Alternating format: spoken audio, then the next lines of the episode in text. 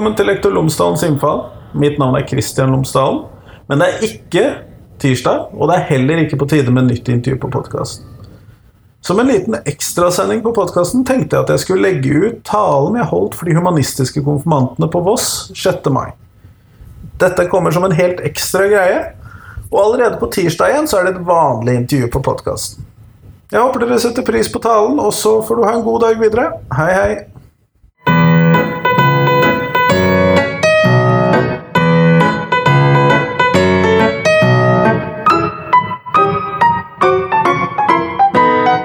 Mitt navn er Kristian Lomsdalen, og jeg har fått gleden av å skulle holde talen til konfirmanten i dag. Så kjære konfirmanter, kjære foreldre, søsken, besteforeldre, tanter, onkler, venner og naboen borti gata.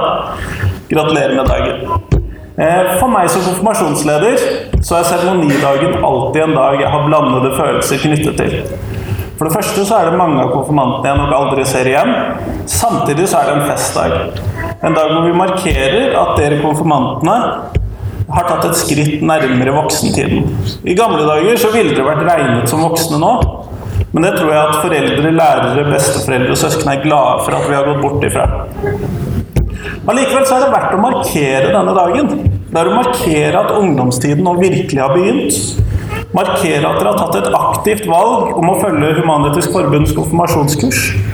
Markere at dere har gjennomført et kurs i livssyn, i etikk, i kritisk tenkning, menneskerettigheter, og at dere forhåpentligvis har reflektert mye rundt spørsmål knyttet til dette. Vi skal også markere at ungdommen er de som om noen år skal ta over verden med de forbedringer det gir mulighet for. Så vanskelig som denne verden er, så er kanskje dere gladest for at det drøyer litt før dere får denne oppgaven. Som konfirmanter så har dere deltatt på en rekke kurskvelder hvor dere har gjennomgått mange forskjellige temaer. Dere har fått lære om bl.a. humanisme, kritisk tenkning, etikk. Og kurset har som mål å fremme selvstendig tenkning, etisk handling og styrke viljen og evnen deres til refleksjon, til å stille kritiske spørsmål, ha et ønske om å ta ansvar, både for dere selv og for andre. Så jeg er sikker på at dere foreldre der ute i salen gleder dere til enda flere kritiske spørsmål og enda mer diskusjon rundt hva som må gjøres, hvordan det må gjøres, og hvorfor det skal gjøres. Men sånn spøk til side, foreldre. Denne kveruleringen, debatteringen og argumenteringen hjemme er utrolig viktig.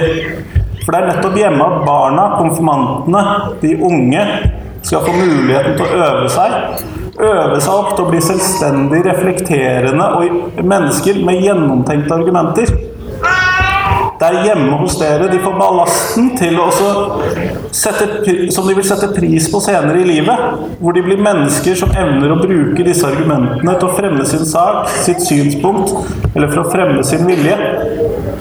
Jeg glemmer ikke mine barns trassalder, og det gjør nok ikke dere heller.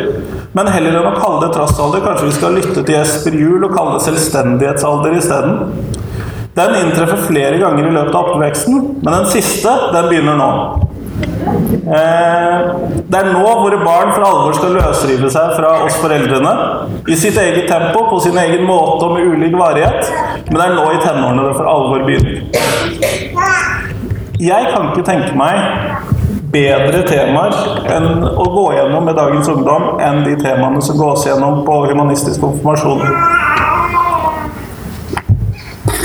I en verden som er mer preget av usikker medietilgang, eller rettere sagt usikker informasjonskvalitet, er det lite som er viktigere enn evnen til å kunne stille kritiske spørsmål til informasjonen man får servert. I en verden preget av mer politisk usikkerhet og trussel mot det liberale demokratiet, er det desto viktigere at ungdommen engasjerer seg, tar ansvar og er tydelig på hva slags verden de ønsker for fremtiden. I en verden preget av stor ulikhet er det desto viktigere at vi lærer å bry oss. Om hverandre her i bygden, om hverandre her i landet, i verdensdelen og i verden. Og i en verden preget hvor mange lever i skam og i skjul, er det desto viktigere med åpenhet, toleranse og hjertevarme. Og når vi allikevel er inne på Skam, hva er vel mer naturlig enn å trekke inn TV-serien Skam? TV-serien har eksemplisert hvordan ungdommer kan ta opp alvorlige og viktige temaer. De har attpåtil vist at ungdommer kan ta opp disse temaene på måter som får hele verden til å lytte. Vi voksne ønsker å lytte, og vi bør lytte. Vi voksne trenger at dere unge løfter stemmene deres og bidrar til å forandre verden. Vi trenger at dere løfter stemmene deres for å holde oss voksne i tømme, slik at vi ikke ødelegger for mye av det arvesølvet før dere skal overta det. For vi mennesker er vanedyr. Ting skal ikke forandre så mye. Det har blitt sagt at alt som eksisterer før jeg ble født, det er naturlig, det er uforanderlig. Alt som blir oppfunnet frem til jeg er 30, det er fantastisk, progressivt, det er moderne.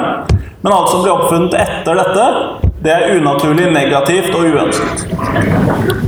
Nettopp derfor så trenger vi voksne at dere unge løfter stemmene deres. Enten det skjer i diskusjoner hjemme, det skjer i sosiale medier, i politiske partier eller ungdomspartier, i avisen, i skolen eller overalt ellers. Vi trenger å høre hva som kan gjøres annerledes, bli løst annerledes eller prioritert annerledes. Nettopp fordi at vi kan være blinde for våre egne vaner, rutiner og inngrodde overbevisninger som kanskje ikke lenger stemmer. Dette kan være skummelt, og det kan være utrolig skummelt. Desto viktigere så er det at vi gjør det. For, som, for å sitere skuespiller Emma Watson If not me, who? If not now, when? For som hun sier, om du ikke ytrer deg om det du mener er viktig, hvem andre skal gjøre det? Vi kan ikke forvente at andre mennesker skal bry seg om våre hjertesaker. Uansett hvor viktig vi føler at disse sakene er. For det er så mange viktige saker over hele kloden som må gjøres noe med. Så hvis ikke du agerer når du får muligheten, når skal du ellers gjøre det? Ingenting skjer eh, før, vi bryr, før vi som bryr oss om temaet, gjør noe for det. Du tenker kanskje at det ikke spiller noen rolle hva du gjør eller ønsker, men historien har vist at enkeltmenneskers beslutninger har stor betydning. Hvis alle tenker at jeg alene ikke kan uh, gjøre noe, så skjer det i hvert fall ingenting. Derfor er det viktig å legge seg Dr. Seuss ord på minnet. Unless someone like you cares a whole awful lot, nothing is going to get better, it's not. Derfor er jeg optimist for fremtiden. Ikke fordi at jeg ikke ser at det er problemer nå, men fordi jeg tror at dere unge kan gjøre noe for å forbedre det som i dag kan oppleves som skummelt, feil eller på andre måter uønsket. For stikk motsatt av Platon så tror jeg at dere unge egentlig er altfor ordentlige, altfor gjennomtenkte og stort sett altfor fornuftige. Eh, dette kan allikevel bli redningen for oss alle. For i hvert fall om vi ser litt inn i fremtiden, til når dere skal styre Norge og verden. Utfordringene er mange for voksengenerasjonen, både den nåværende voksengenerasjonen og de forutgående, etterlater seg et samfunn både det nære og det store verdenssamfunnet, som trenger svar på nye spørsmål. Nye løsninger på gamle problemstillinger, på gamle konflikter og på urettferdigheter. Og et obligatorisk spørsmål melder seg i denne sammenhengen. Enten du skal styre et land, være en god venn eller en god kjæreste, eller du skal utøve et yrke, hvordan vet du at det du gjør, er det riktige? Hvordan vet du at handlingen du skal utføre, er den moralsk riktige handlingen? I noen varianter av religiøs tro så, det, så formidles dette i klartekst. Det formidles kanskje gjennom en evig dommer. I andre, både religiøse og sekulære livssyn, er dette noe som må vurderes fra tilfelle til tilfelle. I løpet av konfirmasjonskurset så har dere konfirmantene lært om det humanistiske livssynet. Et livssyn som er uten tro på et etterliv, uten religiøse forestillinger, og som er uten en dommer til å vurdere om handlingene vi mennesker gjør, er gode eller dårlige. I Kurt Vonnegut's ord I am a humanist, which means in part that I have tried to behave decently without any expectation of reward or punishment after I'm dead. Livssynshumanismen krever av oss mennesker at vi selv må vurdere om handlingene våre er de riktige å utføre. Om vi selv kan stå inne for handlingene som selvstendige og ansvarlige mennesker. Kanskje ut ifra en vurdering om vi ville likt at andre behandlet oss på lignende måte. Det krever med andre ord mye av vår empati, medmenneskelighet og kritiske vurderingsevne å være humanist. Det håper jeg dere konfirmantene har lært noe om i løpet av kurstiden. Uavhengig om dere selv er humanister eller ikke.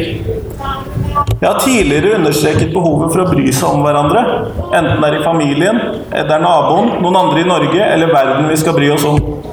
Ulikhet og utenforskap skaper vold, skaper radikalisering, og det skaper også farlige situasjoner. Et afrikansk ordspråk sier at If a child is not initiated into the village, it will burn it down just to feel its warmth. Inkludering, omsorg og empati er med andre ord ikke bare viktig for å sørge for at vi alle har det bedre, at færre blir mobbet og at færre føler seg ensomme. Det handler også om vår alles trygghet. Så når vi går herfra i dag, enten du er konfirmant, forelder, besteforelder, søster, bror, venn eller nabo, så håper jeg at du kan, som meg, ta med deg en følelse av ansvar. Ansvar for at verden vi etterlater oss, skal være bedre enn verden vi gikk inn i. Både for enkeltmenneskene, for dyrene, for naturen og for oss selv. Det er bare gjennom at vi selv tar ansvar at noe kan skje. Og når jeg ser ungdommen i dag, så blir jeg optimistisk på fremtidens vegne. Så kjære konfirmanter, gratulerer med dagen.